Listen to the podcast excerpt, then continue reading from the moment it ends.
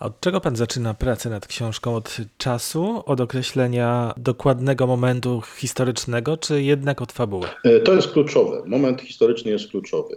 Trzeba wybrać taki moment, który będzie z jakiegoś powodu ciekawy, interesujący, coś się będzie działo, bo ludzie, których tworzymy, czyli bohaterowie, których lepimy jak z plasteliny, muszą być e, ludźmi wyrazistymi, ludźmi z krwi i kości. Oni muszą się dostosowywać do epoki, w której są, e, poprzez reakcje na to, co się dzieje wokół nich, czyli na przykład na politykę, czyli na przykład na wydarzenia gospodarcze. E, dlatego moi bohaterowie na przykład rozmawiają o tym, co mówię o ostatniej książce, co dzieje się gdzieś tam za granicą, e, w niejakim miejscowości o wdzięcznej nazwie Rapallo, gdzie w tym czasie Niemcy i Rosjanie dogadują się gdzieś tam ponad naszymi głowami i tworzą jakiś nieformalny sojusz. No więc to jest to, czym ludzie żyli, czym żyły gazety No i oni muszą być wyposażeni, ci bohaterowie, właśnie w wiedzę na temat tego, co się gdzieś tam rozgrywa ponad nimi. Muszą o czymś rozmawiać. No więc e, wyposażam ich w taką wiedzę. I to jest właśnie ten początek. E, szukam informacji, szukam ciekawostek, e, przeglądam przede wszystkim gazety. W dzisiejszych czasach jest to bardzo prosta i nieskomplikowana czynność, ponieważ do gazet można dotrzeć dzięki archiwum cyfrowemu, które oferuje w zasadzie wszystkie przedwojenne gazety i można się zagłębić dokładnie w każdy dzień akcji, którą sobie zakładam. No więc y, tworzę tą rzeczywistość historyczną, odkopuję ją jak archeolog, oglądam zdjęcia, oglądam pocztówki, e, tworzę niejako dekoracje, które sprawią, że człowiek y, poczuje się, czytelnik poczuje się jak u siebie w miejscu, po którym przechodzą moi bohaterowie. I dopiero gdy mam już tą epokę określoną, odnalezioną, odkopaną, e, namalowaną, wtedy na to tło zaczynam przenosić akcje wydarzeń, rozgrywek kryminalnych. Ten cykl o komisarzu Fischerze pojawił się w 2015 roku, gdy wydawało się, że kryminał retro przechodzi pewien kryzys, że gaśnie w Polsce. To zainteresowanie tym gatunkiem. A tutaj dzisiaj, po tych pięciu latach, okazuje się, że nie, wcale nie. Czuje się pan e, trochę reanimatorem? Ja się czuję spełniony jako pisarz dzięki temu, że mogłem się sprawdzić w, jako twórca tego właśnie kryminału, kryminału retro, ponieważ tak jak już mówiliśmy wcześniej, byłem traktowany zawsze jako ten twórca e, kryminału współczesno czy półretro kryminału z lat 80., ale też interesowałem się zawsze historią, interesowałem się Poznaniem, czy Wielkopolską, czy naszym całym krajem z lat międzywojennych, bo to, był, to była zawsze taka epoka, która, która bardzo mnie fascynowała.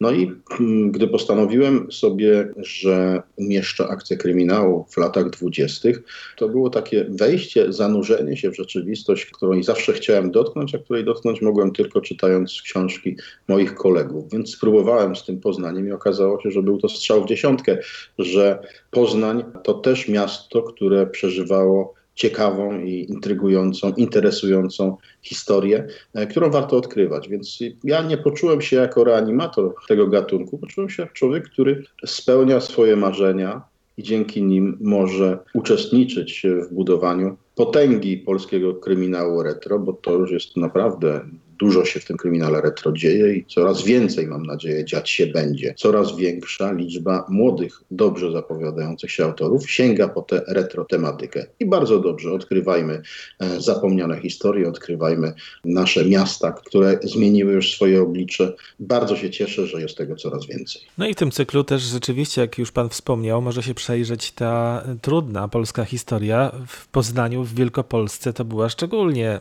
trudna historia. Anton Anton Fischer, czyli ten główny, Antoni Fischer, ten główny bohater tego cyklu, ma też no, niesamowicie ciekawą biografię jako żołnierz I wojny światowej, potem powstania wielkopolskiego i wojny polsko-bolszewickiej. Musiałbym powiedzieć, że e, w tej biografii nie ma niczego szczególnego, jeśli chodzi o Antoniego Fischera, bo takich Fischerów jak on właśnie było e, w Poznaniu i w całej Wielkopolsce bardzo dużo. Dzisiaj już w zasadzie o nich nie pamiętamy, ale ci ludzie właśnie, podporucznicy i porucznicy armii pruskiej, czyli polscy oficerowie, którzy walczyli e, na frontach I wojny światowej w armii e, niemieckiej właśnie, to byli ci ludzie, którzy masowo wstępowali do polskiej armii powstańczej, gdy wybuchło powstanie wielkopolskie. Oni stanowili oficerską kadrę tego powstania. Dlaczego mówię o porucznikach i podporucznikach? Ano dlatego, że wyższych stopni w armii pruskiej Polacy dosłużyć się nie mogli. Więc oni obejmowali wszystkie oddziały powstańcze, oni dowodzili, oni byli oficerami liniowymi, a później, gdy powstanie mm, wielkopolskie zakończyło się już sukcesem, oni właśnie ruszyli na front y, walki z bolszewicką nawałą. To oni właśnie byli w tych słynnych poznańskich pułkach, które świetnie dawały sobie radę y, z bolszewikami.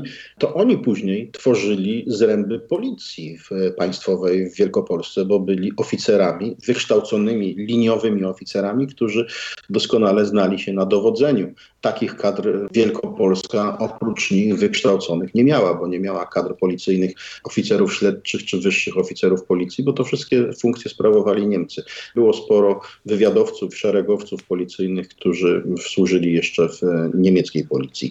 Ktoś tymi ludźmi musiał dowodzić, no więc e, biografia Fischera jest jakby kalką nałożoną na biografię wielu dobrze zapowiadających się oficerów, którzy, którzy później zasilili szeregi policji. Było ich bardzo wielu. A czy policja w 1900 1922 roku, dokąd przenosi nas pan w tej najnowszej książce Zaśpiewaj mi kołysankę, rzeczywiście była tak biedna, że przodownicy chodzili po ulicach z pustymi kaburami? Przede wszystkim, jeśli ktoś szedł do policji, to musiał sobie taki pistolet sprawić, bo policja nie miała jeszcze pistoletów własnych. Zasilana była tym, co pozostawili na miejscu Niemcy. E, natomiast wyposażenie kabury, kabury pistoletowej należało do obowiązków e, każdego oficera czy każdego policjanta.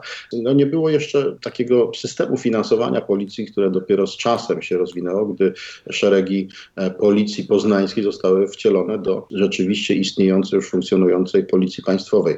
E, fragment, który mógł pan znaleźć w książce dotyczący jednego z policjantów posterunkowego z miejscowości Wysoka, niejakiego Bielawskiego, to autentyczny fragment, w którym e, Bielawski, prawdziwie istniejący policjant, pisze do swojego przełożonego z prośbą o to, żeby dofinansowano mu zakup nowego munduru policyjnego, bo stary mu się już całkowicie wytarł, bo inaczej będzie musiał chodzić w dawnym pruskim mundurze, na co dowództwo znakła odpowiada mu, że w związku z trudnościami e, nie chodzi jeszcze w tym pruskim, tylko żeby e, oznaczenia polskiej policji przyczepił sobie tak, jak być powinno, bo na nowy mundur pieniędzy nie ma. To takie to czasy. Dopiero po jakimś czasie wykluła się z tej zbieraniny ludzi służących w policji prawdziwa policja państwowa. W pana najnowszej książce no jest mowa o pedofilii. Zjawisku, które przed wojną miało, odgrywało zdaje się, że ogromną rolę. Marek Krajewski też w najnowszej książce, najnowszą książkę o Popielskim, która ukazała się notabene też 20 maja, rozpoczyna tę powieść tym wątkiem pedofilskim.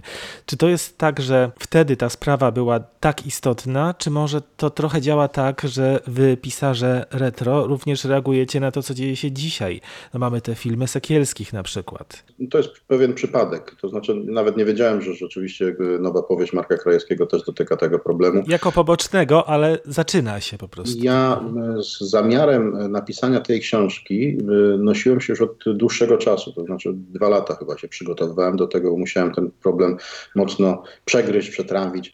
To jest autentyczna mm, sytuacja, która miała miejsce, co prawda nie w 22 roku, bo z pewnych powodów chciałem pokazać początki policji w Poznaniu, ale największa afera pedofilska, którą częściowo opisuję, wydarzyła się w latach 30. I rzeczywiście to, co tam się pojawia na kartach tej książki, to jest opis rzeczywistości, która miała miejsce. Ta największa afera pedofilska rzeczywiście była czymś, czym żył cały Poznań, ale też pisano o niej w całej Polsce. O tym e, człowieku, który był bardzo mocno osadzony w rzeczywistości e, wojskowo-policyjnej, o kobiecie, która na jego usługach będąc e, porywała dzieci z ulicy. To autentyczna sytuacja z lat 30. Ja ją na zasadzie licencji poetyki przeniosłem do lat 20., bo tak mi było wygodniej, ale nie opisuję tutaj niczego, co miejsca nie miało. Pewnie to troszeczkę ubarwiam, pewnie to troszeczkę zmieniam. I może też dzieje się tak, dlatego że rzeczywiście problem ten istnieje tak naprawdę od zawsze. To nie jest odkrycie braci Sekielskich. E, z tą pedofilią mamy do czynienia od zawsze i o tym też jest właśnie ta książka.